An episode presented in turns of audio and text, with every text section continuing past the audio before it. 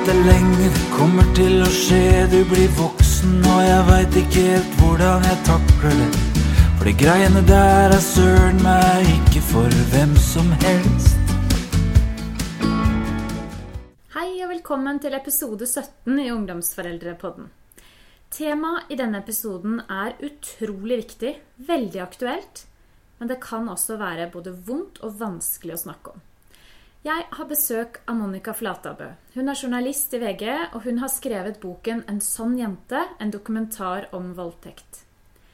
Miljøene og ungdomskulturen som beskrives i boken, de er ikke unike. Ungdom rundt i hele landet vårt kjenner seg igjen i beskrivelsene, og det, at det er alvorlig. Norske ungdom er i europatoppen når det gjelder bruk og pornografi.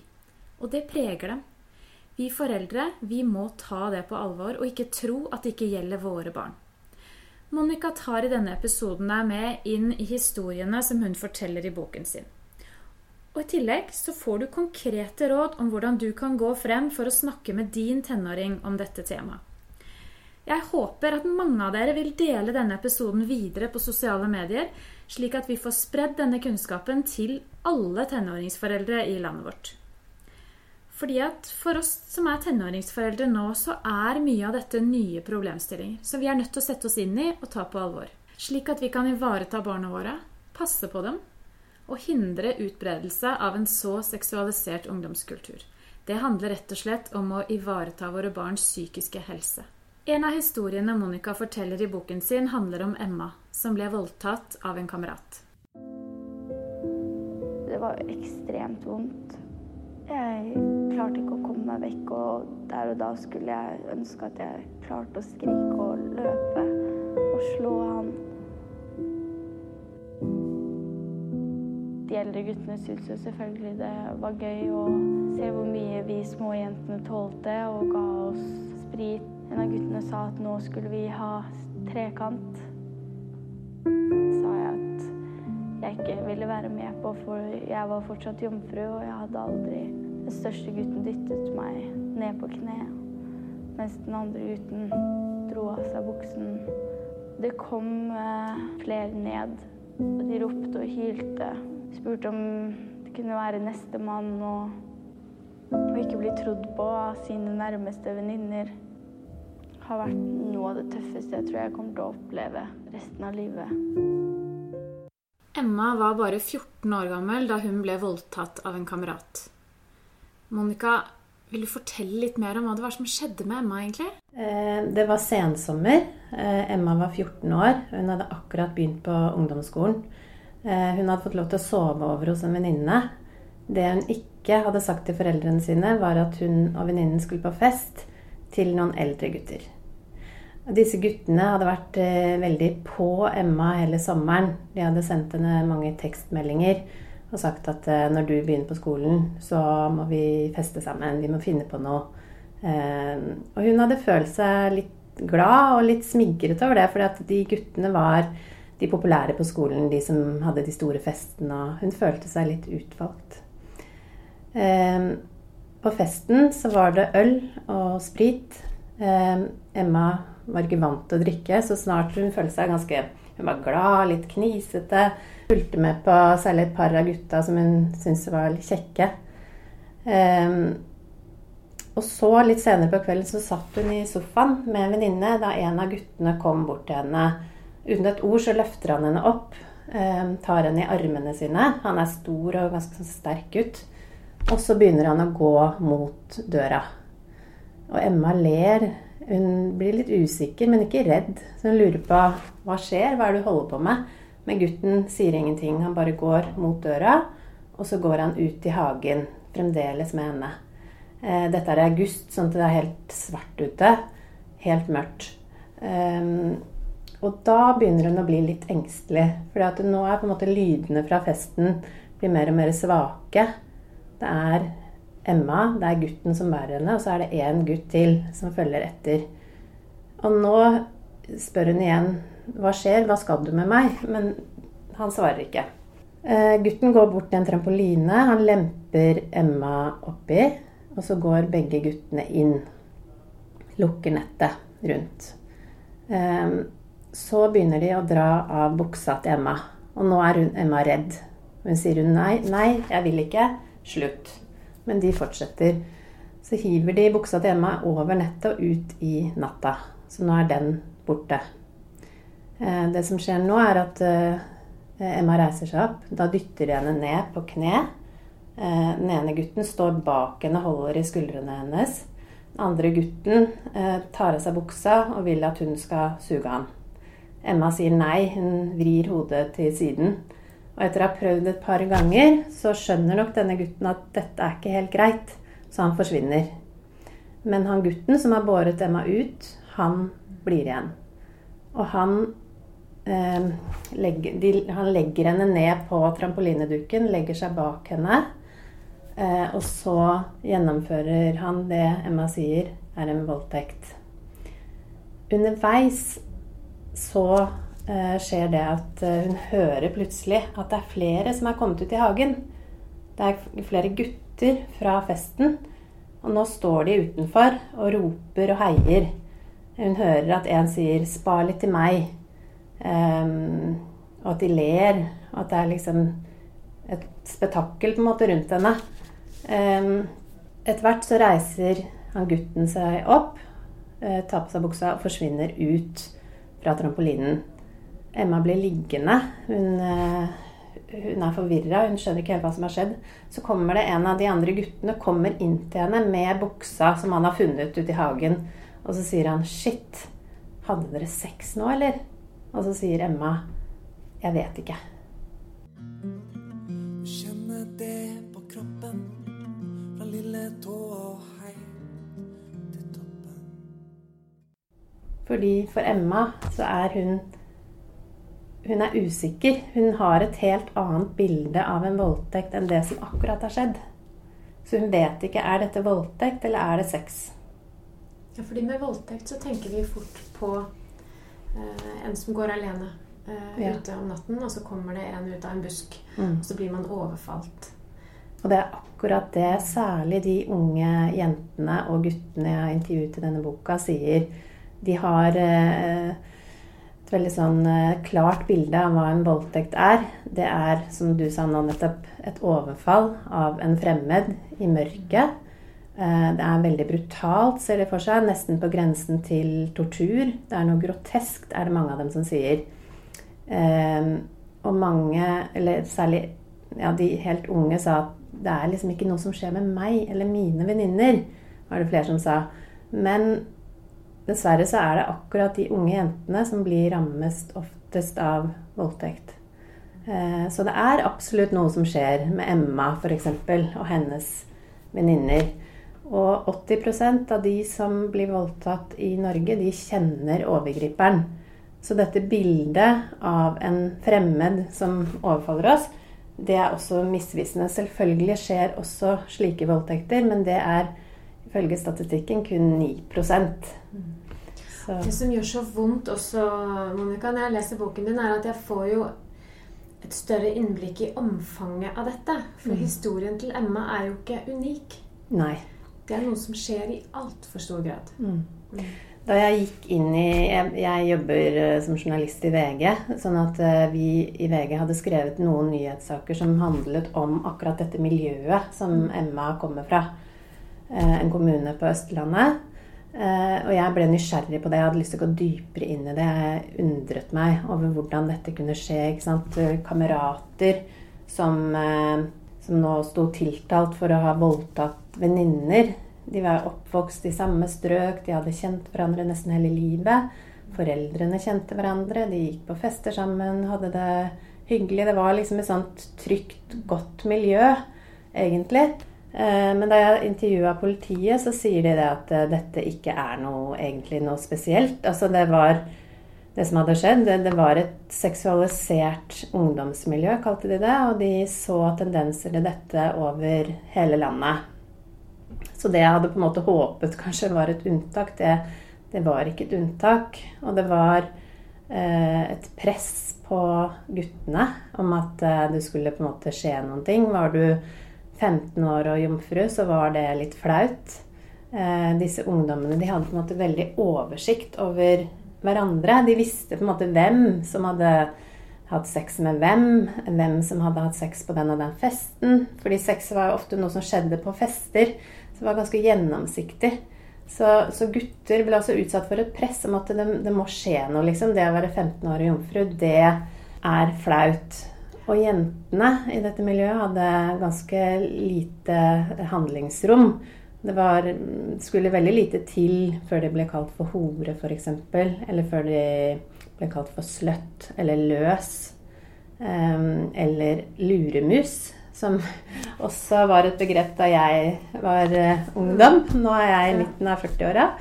Uh, eh, så det begrepet der, det lever i beste velgående, skjønte jeg. Og det var uh, ille, sa jentene, og blir kalt for det. Sånn at jeg forsto det at det var lite rom for å eksperimentere. Hadde man på en måte blitt med på noe, så måtte man fullføre løpet. Eh, eller så var det dårlig gjort overfor gutten. Sympatien til mange av disse jentene lå ofte hos guttene. Og det å si at en av kameratene hadde på en måte forsøkt å voldta eller var en voldtektsmann, det var også illojalt. Sånn at eh, selvjustisen i denne gjengen her var veldig, veldig hard. Eh, du skulle holde kjeft. Eller så var du ikke en av oss. Og det å være en av gjengen er jo så viktig i den alderen der. Sånn at eh, da holdt de kjeft, da. Da sa de ingenting til de voksne.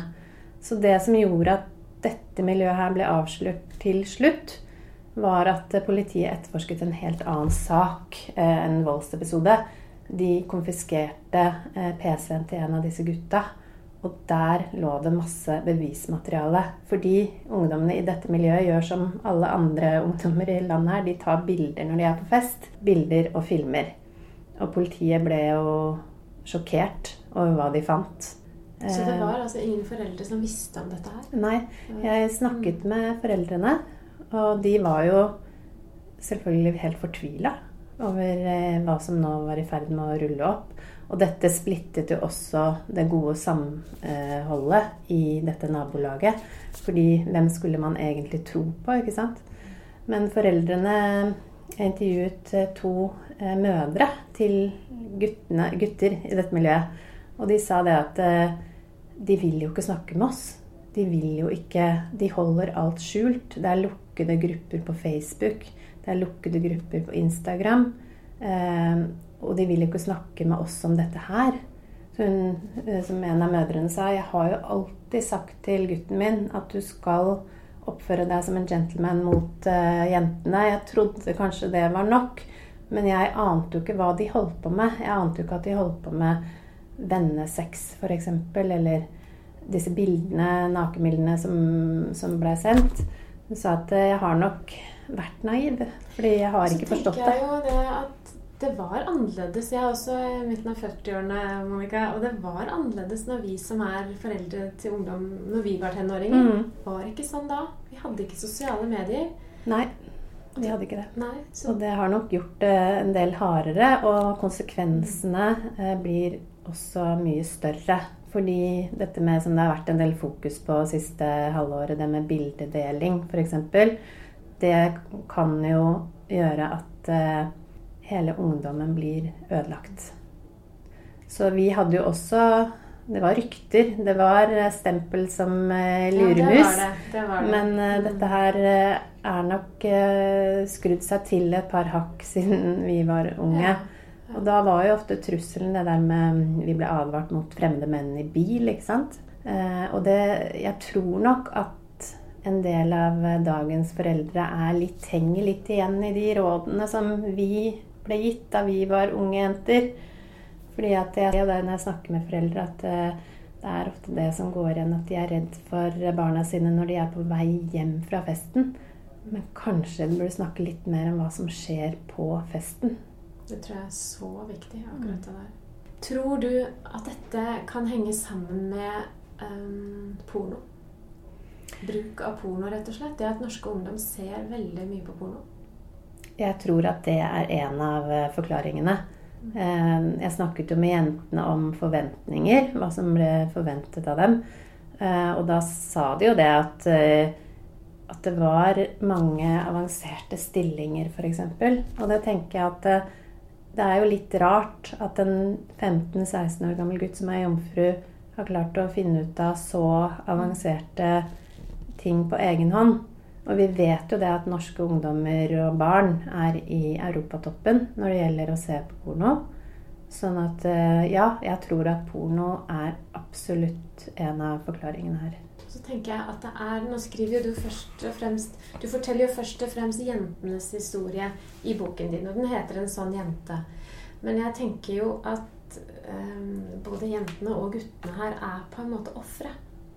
Ja, det er lett å se det er lett å, måte, Jeg tar helt klart Jeg skriver mest om jenter, men da jeg undersøkte særlig dette miljøet her, så ja, jeg syns også synd på guttene, fordi Eh, det er også et press på dem. Det at eh, mange snakket f.eks. om masesex. Og det handlet, handlet, veldig mye om guttenes rolle. At de skulle være pågående og litt aggressive og måtte ikke ta et nei for et nei. Det var litt i den maskuline rollen at de skulle presse på. Sånn at jentene sa at eh, det er helt vanlig å si nei fire-fem ganger. Og så liksom skal gutten ta hintet, da. Men det der kan være ganske forvirrende når du er 15-16 år og kanskje, kanskje, du har drukket, du har ikke så mye erfaring. Liksom, hvor mye skal du presse på? Og et nei er tydeligvis ikke et nei, i hvert fall ikke første gangen. Sånn at um, det er ganske vanskelig. Ja, så tenker jeg Det handler jo om så utrygge gutter, tenker jeg. Mm. Som har så innmari behov for innpass i den og den gjengen at de er villige til å gå over så mange grenser eh, for å få det innpasset, for å bli en del av gjengen. Og det handler jo om utrygghet, tenker jeg. Jeg tenker at eh, noen er utrygge. Eh, noen er nok eh, litt mer drevne ofte i sånne, sånne miljøer. Eh, det politiet sier, at de ser ofte at det er én eller to veldig populære gutter som er litt mer erfarne enn de andre. Men det jeg tenker at eh, det handler om, er som du sier, usikkerhet. Eh, særlig for de andre i gjengen som kanskje ikke er de lederskikkelsene. Og så handler det om for lite kunnskap. Fordi det syns jeg har gått som en rød tråd gjennom hele denne boka. Det er den usikkerheten om hva en voldtekt egentlig er. Og det gjelder både guttene og jentene. Um, og det tror jeg vi som foreldre må ta på alvor. Vi må snakke med barna våre og ungdommene våre om akkurat det. Selv om det kan være veldig vanskelig og litt ubehagelig. Og kanskje vi ikke har nok kunnskap om det selv heller. Så tenker jeg at det er en altfor viktig samtale til at den skal være helt taus. Ja, for det er det jeg tenker. Én ting er kunnskapen vår. Den, den, må jo nok de fleste voksne også oppdatere seg på. Sette seg litt det. inn i, rett og slett, før de snakker med ungdommene sine om det. Mm. Og så er det altså det å snakke med dem om et sånt tema som er så sårbart, og som de fleste voksne også syns det er vanskelig å snakke om. Ja, det var jo sånn at uh, i den prosessen jeg skrev boka, og når jeg fortalte voksne om hva jeg skrev om, så var det nesten sånn at jeg kunne se at det gikk sånn grøss gjennom kroppen. At det var, uh, det var noe vanskelig når man egentlig ikke har lyst til å snakke om. Man har ikke lyst til å forholde seg til det, for det er, liksom, det er noe som de fleste tenker på som ille og grusomt. Men det å ikke forholde seg til det, og ikke snakke om det, og ikke snakke om det til ungdommene våre, da tenker jeg at vi svikter dem. Og jeg har spurt en ungdom nå mm. i forkant av denne podkasten om de har fått informasjon om voldtekt. Og det er det veldig få som har fått. Fra helsesøster eller fra skolen. Ehm, de får informasjon om prevensjon, om kjønnssykdommer og og mye informasjon rundt puberteten. Men dette temaet er det ingen som snakker om. Nei, det er mitt inntrykk også. Og det var jo sånn da vi gikk på skolen, så, så, så var det ingen som snakket om det. Sånn at jeg som da 42-åring eh, satt i en rettssal som VG-journalist, en stor voldtektssak, og fikk meg ganske mange overraskelser på at jeg ikke kunne nok. Eh, blant annet så var det en episode jeg satt og tenkte tilbake på fra min ungdom. Jeg var på en fest. Vi var vel Jeg tror vi var 17 år. Og så var det en venninne av meg som ble dratt inn på en, et toalett av en gutt. Og han låste døren. Eh, og så prøvde han å kysse henne, og hun dyttet ham vekk. Og så eh, tok han en, tok, dro han i trusen og, og, stakk en finger opp i henne. Men så slapp han henne ut. Og da husker jeg at uh, venninnen min vi pratet om det etterpå, og vi var liksom alle sammen veldig letta over at det, eh, han voldtok deg i hvert fall ikke. Det var liksom vår versjon. Det gikk ikke så langt. Men ifølge loven så er jo det en voldtekt. Det er en fullbyrdet uh, voldtekt. Og det satt jeg som 42-åring i retten og forsto. Så det, jeg begynte å tenke på at uh, her er det en del jeg ikke kan. Og de unge som jeg intervjuet i denne boka, de sa også at uh, vi lærer ingenting om det. Vi har én time på skolen med, som handler om prevensjon og kjønnssykdommer. Men voldtekt og grenser, det snakkes ikke om.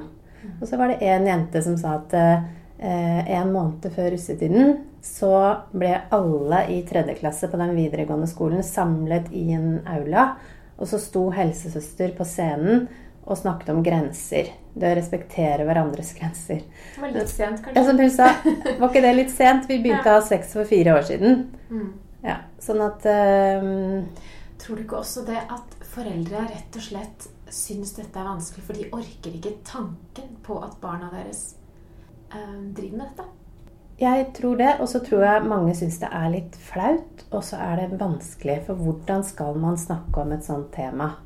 Og da tenker jeg at vi må nok tørre å gå litt dypere enn å bare si 'respekter hverandre', eh, eh, 'vær gentleman' og sånn. For eh, hva betyr det egentlig?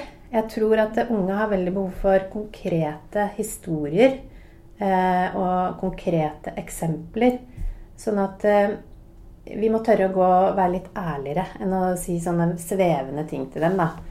Og da tenker jeg at hvis man syns det er veldig vanskelig å begynne å snakke om sex, så kan man kanskje snakke om jussen. Fordi jeg tror veldig mange tenker at eller ikke vet akkurat hvor grensen går for en voldtekt. Og sånne, sånne konkrete ting kan være veldig fint å snakke om. For eksempel så var det to-tre gutter som på en fest um, voldtok en, en, jente som var helt overstadig berusa. Hun hadde drukket så mye at hun var uh, ikke til stede. Og da, litt for moro skyld, så så stakk de en finger opp i hendene. Det var to-tre gutter. Og de lo av det, for det var liksom bare tull, ikke sant. Men det de da, kan jeg tenke meg, ikke visste, var at det, var, det er jo en voldtekt. Så sånne ting som det der, å snakke med gutten din da, om at det er faktisk en voldtekt når en jente er så overstadig berusa at hun ikke kan forsvare seg eller si ja eller nei, så er det også å stikke en finger opp i henne. Det er også voldtekt. Det kan gi deg tre år i fengsel. Og det er ikke det at eh, livet er kanskje ikke over etter å ha blitt dømt kanskje da for en voldtekt, men det blir veldig, veldig annerledes. Og det tror jeg også unge forstår. Det tror jeg er en veldig fin måte å begynne å snakke om dette på. Mm. Absolutt. Og så tenker jeg at vi kan, eh, vi kan snakke med både gutter og jenter om holdninger. Fordi det er jo sånn at uh, veldig mange føler skyld uh, etter å ha blitt voldtatt jenter føler skyld for sin egen voldtekt, på en måte. Så å si alle jeg intervjua, fortalte om det. Og det var sånn tittelen på boka kom til også. Eh, fordi de fleste, mange sa 'jeg ville ikke være en sånn jente'. En sånn jente som havner i trøbbel. En sånn jente som går med kort skjørt, som frister noen. En sånn jente som flørter. En sånn jente som drikker. En sånn jente som kanskje liker sex. Altså, Eh, en sånn jente vil man ikke være når det har gått galt. Men jeg tenker at både, det å snakke med både gutter og jenter om at det, det er ikke offeret som har skylda. Skylda må plasseres hos gjerningsmannen. Jeg tenker at jenter og kvinner blir ikke voldtatt fordi de var uforsiktige. De blir jo voldtatt fordi noen voldtar dem. Jeg tenker at det er også en veldig viktig budskap. Og så tenker jeg også en kjempeviktig ting som vi foreldre kan gjøre, det er å si at uh, alle gjør feil. Alle kan gjøre feil, men du kan komme til meg uansett, og jeg skal lytte til deg, og jeg skal hjelpe deg. Fordi veldig mange av de jeg snakker med, det er liksom så mye skyld og skam. Det er så vanskelig å komme til foreldrene sine hvis Sånn som Emma, som vi begynte å snakke om. Hun hadde jo sagt at hun skulle sove hos en en venninne. Men hun gjorde jo ikke det. Hun dro jo på fest. Og derfor så ble det veldig vanskelig for henne å komme til foreldrene sine. Fordi det var på en måte hun hadde gjort noe ulovlig først. Så det å innrømme det og si at jeg dro på den festen, og der skjedde det noe jeg ikke helt forstår, det ble veldig vanskelig for henne. Så jeg tror det er kjempeviktig at vi sier at eh, alle gjør feil. Det gjorde jeg også da jeg var ung. Men kom til meg, for jeg kan faktisk hjelpe deg. Ja, det er kjempeviktig. Det budskapet der tror jeg vi ikke skal eh, undervurdere. Absolutt. Så tenker jeg jo at foreldre trenger kunnskap om hvordan de kan møte ungdommene sine nettopp når noe sånt har skjedd. Fordi um, det er mange som kvier seg til å gå til foreldrene sine fordi de er redd for sterke reaksjoner. Mm. De er redd for at foreldre skal bli sinte og skuffede. Og det blir de jo. Så det er noe med å, å kanskje erkjenne at foreldre trenger mer kunnskap når det kommer til kommunikasjon, faktisk. For å klare å møte ungdommene sine på en måte som gjør at de vil dele det med dem. For det er krevende, det. Det er krevende å ikke Mm. bli kanskje redd, sint, lei seg. Ikke sant? Det er, det er jo alvorlige ting vi snakker om her. Og det, jeg tror det er veldig lurt å, å ta den praten eh, på en måte før det har skjedd noe. Og snakke med Åpne den døra litt. Grann, men snakke om det med holdninger. Snakke om jussen. Snakke litt om eh, det med bebreidelser, tenker jeg også er veldig viktig. Jeg tror man kan si til datteren sin at eh, Vet du hva, hvis du drikker, hvis du drikker veldig mye, så blir du mye mer sårbar for at noe kan skje med deg.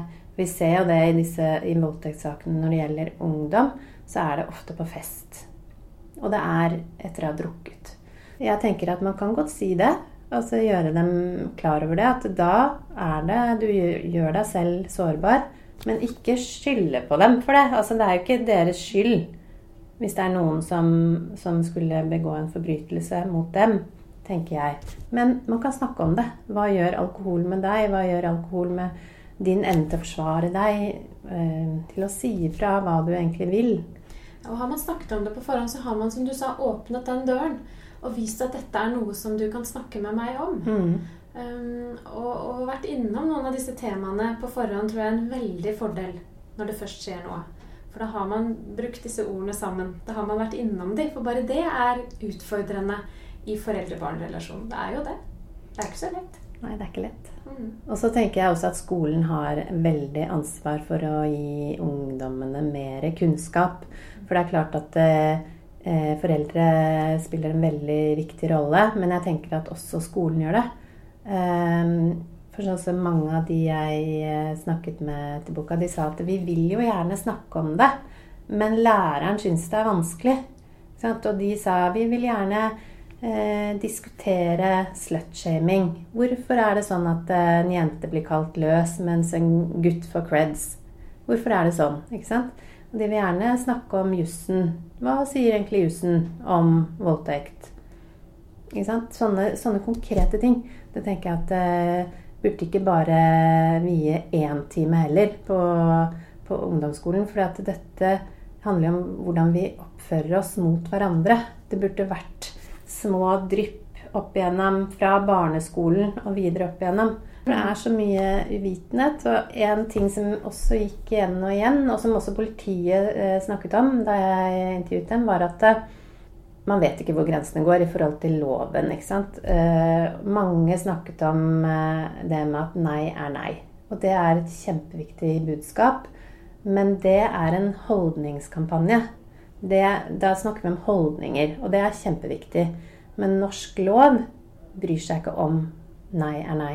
De bryr seg ikke om om en jente har ropt nei. Det norsk lov eh, bryr seg om, eller sier noen ting om, er eh, vold. Altså den, har denne personen vært voldelig mot deg, holdt deg igjen mot din vilje f.eks., eller truet deg eh, til å ikke gå ut av et rom, låst døra altså sånne, eh, det, er, det er liksom voldsbegrepet. Det andre som norsk lov eh, er opptatt av, det er eh, om du har vært så beruset f.eks. at du ikke er eh, bevisst. Sånn at eh, politiet sa at de, de blir eh, oppsøkt av mange, særlig unge jenter nå, som blir så overrasket over det at Ja, men jeg sa jo nei. Men akkurat det ikke, sier ikke norsk lov noe om. Så det er voldsbegrepet, og så er det det med om du er bevisst, om du kan motsette deg handlingene. Ja, men så tenker jeg, Monica, at vi likevel Altså, vi må snakke med jentene våre om hvor viktig det er å si nei og være tydelig, da. Jeg tenker jo at mange jenter nå er veldig snille og flinke og høflige, og kanskje syns det er vanskelig å si nei, rett og slett. Altså, særlig de jentene som jeg eh, intervjuet, de sa det. Eh, at de syntes det var vanskelig å være veldig tydelig i forhold til hva man vil, og hva man ikke vil. Fordi at eh, de er redde for å såre guttens følelser, kanskje. Og den rollen de skal spille, det er vel en litt mer utydelig rolle. Ehm, sånn at eh, de jentene jeg intervjuet som hadde opplevd en voldtekt, de sa ofte noe av det samme. Og de sa at 'jeg ville jo ikke være uhøflig'. Jeg ville jo ikke, ikke sant? Det å gi beskjed til en person om at 'vet du hva, hold deg unna'. Jeg vil ikke. ikke sant? Være så tydelig, og kanskje til og med sånn, dytte en person vekk. Det sitter ganske langt inne. Og kanskje spesielt for jenter. Fordi vi er oppdratt til at vi sant, skal være hyggelige, høflige, imøtekommende. Det er i hvert fall mitt inntrykk etter å ha intervjuet en del jenter om dette her. Det er at de syns det er vanskelig å være så tydelig. Sånn at eh, jeg tenker at vi som foreldre kan jo også snakke med jentene våre om at eh, det er faktisk greit å være helt tydelig, krystallklar, når det gjelder akkurat dette her også andre temaer. Men det er ikke uhøflig. Det handler om å ta vare på seg selv. Og det handler om å være helt tydelig i forhold til eh, en annen person. Og det kan også gjøre at eh, man unngår å havne i veldig vanskelige situasjoner. Så vær tydelig er et budskap til mange jenter som jeg tenker mange jenter bør eh, kan øve seg på. Selv så er jeg opptatt av, jeg er opptatt av grenser og rammer, rett og slett. At vi er nødt til å sette grenser for ungdommene våre fordi de er i en veldig uh, utvikling. Hjernen deres er jo under fullstendig ombygging, og de er rett og slett veldig dårlige på risikovurdering, og de trenger å passes på. Og jeg får litt inntrykk av at noen av de miljøene, det miljøet du skriver, beskriver i boken din, det er rett og slett helt grenseløst. Ja, i det miljøet der så, så virket det som om eh, grensene var visket ut. Og jeg intervjuet en far som sa at det virket som om ungdommene egentlig hadde funnet på sine egne regler på hva som var rett og galt. Men også at kjønnsrollemønsteret var på en måte gått helt feil vei. Han sa det var som å på en måte se tilbake mot 50-tallet. Fordi jentene ble dømt så hardt i forhold til eh, handlinger de hadde gjort på fest, om de hadde drukket, om de hadde kledd seg utfordrende, vært flørtende. Mens, eh, mens guttene måtte gå inn i den mer harde macho-rollen. I hvert fall når det gjaldt å forføre jentene. Sånn at uh, han var veldig fortvila. Han, han forsto ikke på en måte hvor, hvor disse verdiene kom fra. Det var jo ikke det de hadde snakket med eller lært barna sine til å altså det, det, ble et veldig voldsomt sjokk for, eh, for, de foreldrene i det miljøet å oppdage hva ungdommen deres egentlig hadde holdt på med. Ja, og så reagerte han jo også veldig på hans egen datter sin reaksjon. Ja. I forhold til dette. Og hun, eh, datteren hun reagerte jo som veldig, veldig mange av de jentene i miljøet gjorde, nemlig med at eh, hun, hun, sa ja, men de jentene hun, Eller hun jenta Hun er jo litt sløtt, hun, da. Hun er jo litt hore. Og da hadde han blitt rasende, for han tenkte jo at eh, datteren i hvert fall skulle ta jentas side. Forsvare venninna si. Men det skjedde ikke i dette miljøet. Det var sånn at sympatien lå hos guttene. Mens hun jenta som det gjaldt, hun ble frosset ut, egentlig. Eh, hun ble en sånn jente som ble snakket om, og som eh, de ikke trodde på. Og de syntes eh, at det var veldig dårlig gjort. av På Emma Noe av det verste som hun sa, da, var at venninnene hennes trodde ikke på henne. Og det syns hun var noe av det verste med hele opplevelsen. For Emma var jo usikker på hva som egentlig hadde skjedd med henne. For hun, hun, hun Det som hun Hun hadde et bilde av hva en voldtekt var, og det stemte ikke med det som hadde skjedd. Det var jo en kamerat, liksom, og det, han hadde jo ikke slått henne. Det som også gjorde Emma veldig fortvila i etterkant, var at hun bare hadde ligget der. Hun hadde ikke skreket, hun hadde ikke liksom, bitt han, hun hadde ikke sparket eller slått han. Og det hadde hun sett for seg tidligere, at hvis noe sånn skulle skje med meg, så skal jeg slåss. Jeg skal slåss for livet. Men det gjorde hun ikke. Hun lå der, og hun sa heller ingenting. Hun gråt ikke, hun var bare helt stille. Ehm, det som skjedde med Emma der, og det lærte hun etterpå, det er noe veldig menneskelig som heter en en frysreaksjon. Ehm, fordi det er ikke alltid det lønner seg å kjempe. Det er ikke alltid man kan flykte. Noen ganger så er det beste bare ligge der og på en måte spille død, sånn som dyr kan gjøre. Og så, når faren er over, så kan du begynne å bevege deg og tenke igjen. Sånn at eh, hjernen kobler ut. En urgammel beskyttelsesinstinkt kobler inn. Og du er på en måte Emma kunne bare Hun bare lå der. Hun kunne ikke gjøre noe annet. Men eh, hun hadde jo voldsom skyldfølelse etterpå. Og det fikk hun jo også høre på skolen når hun snakket med venninnene sine og sa at vet du hva, det var ikke helt greit det som skjedde på festen. Eh, jeg, jeg tror kanskje det var en voldtekt. Og da var det jo mange, flere som sa at vet du hva, han er ikke en voldtektsmann, han er jo en kamerat. Altså, vi kjenner han jo, han er hyggelig. Jeg tror ikke han er en voldtektsmann. Eh, mens andre sa ja, men hvis det var en voldtekt, hvorfor lå du bare der? Ikke sant? Og det, det er kanskje vanskelig å forstå når man ikke har den kunnskapen om hva som skjer i en sånn traumesituasjon. Det er kanskje viktig at vi snakker med ungdommene våre om det også. Jeg tror det. Jeg tror det kan være bidra til å lette på Ja, den skyldfølelsen mange kan det. føle. Mm. Og så tenker jeg jo at um, den boken din, Monica, den kan også brukes eh, til samtale med ungdommene våre. For det, det å ha noen historier og eksempler er veldig fint. Jeg tror det er veldig lurt. Mm. Fordi da kan man eh, Unge liker jo å snakke om konkrete eksempler og historier. Eh, Jeg har fått veldig mange mailer fra unge etter at jeg skrev boka, og de sier at eh, jeg leste om det miljøet i boka di, og det var som å lese om mitt miljø. Og det er fra overalt i landet.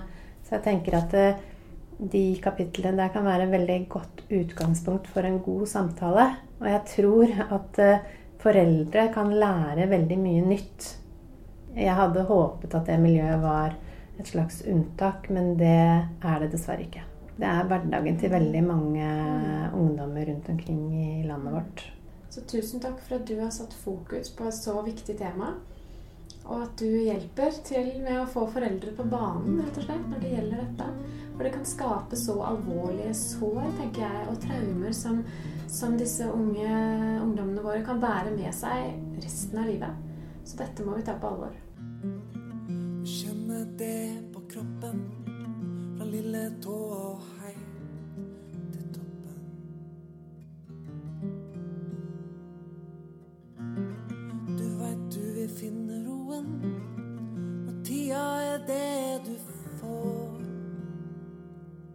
Syns du at det kan være utfordrende å nå inn til tenåringen din? Blir samtalene ofte til krangler og dårlig stemning? Og føler du kanskje iblant at du kommer litt til kort, rett og slett? Vet du hva? Å være mamma eller pappa, det er ditt livs aller viktigste lederrolle. Min erfaring er at det er de små endringene, små ting, som virkelig kan skape stor forskjell i livet. Snart så lanserer jeg et gratiskurs til alle tenåringsforeldre, som tar deg inn i de første stegene til en god og nær relasjon mellom deg og din tenåring. Og der du vil lære hvordan du kan møte din tenåring på en måte som gjør at han eller hun vil dele opplevelsene sine med deg. Så følg med på Facebook-siden til Samtaleverkstedet fremover, for der lanserer jeg snart kurset mitt.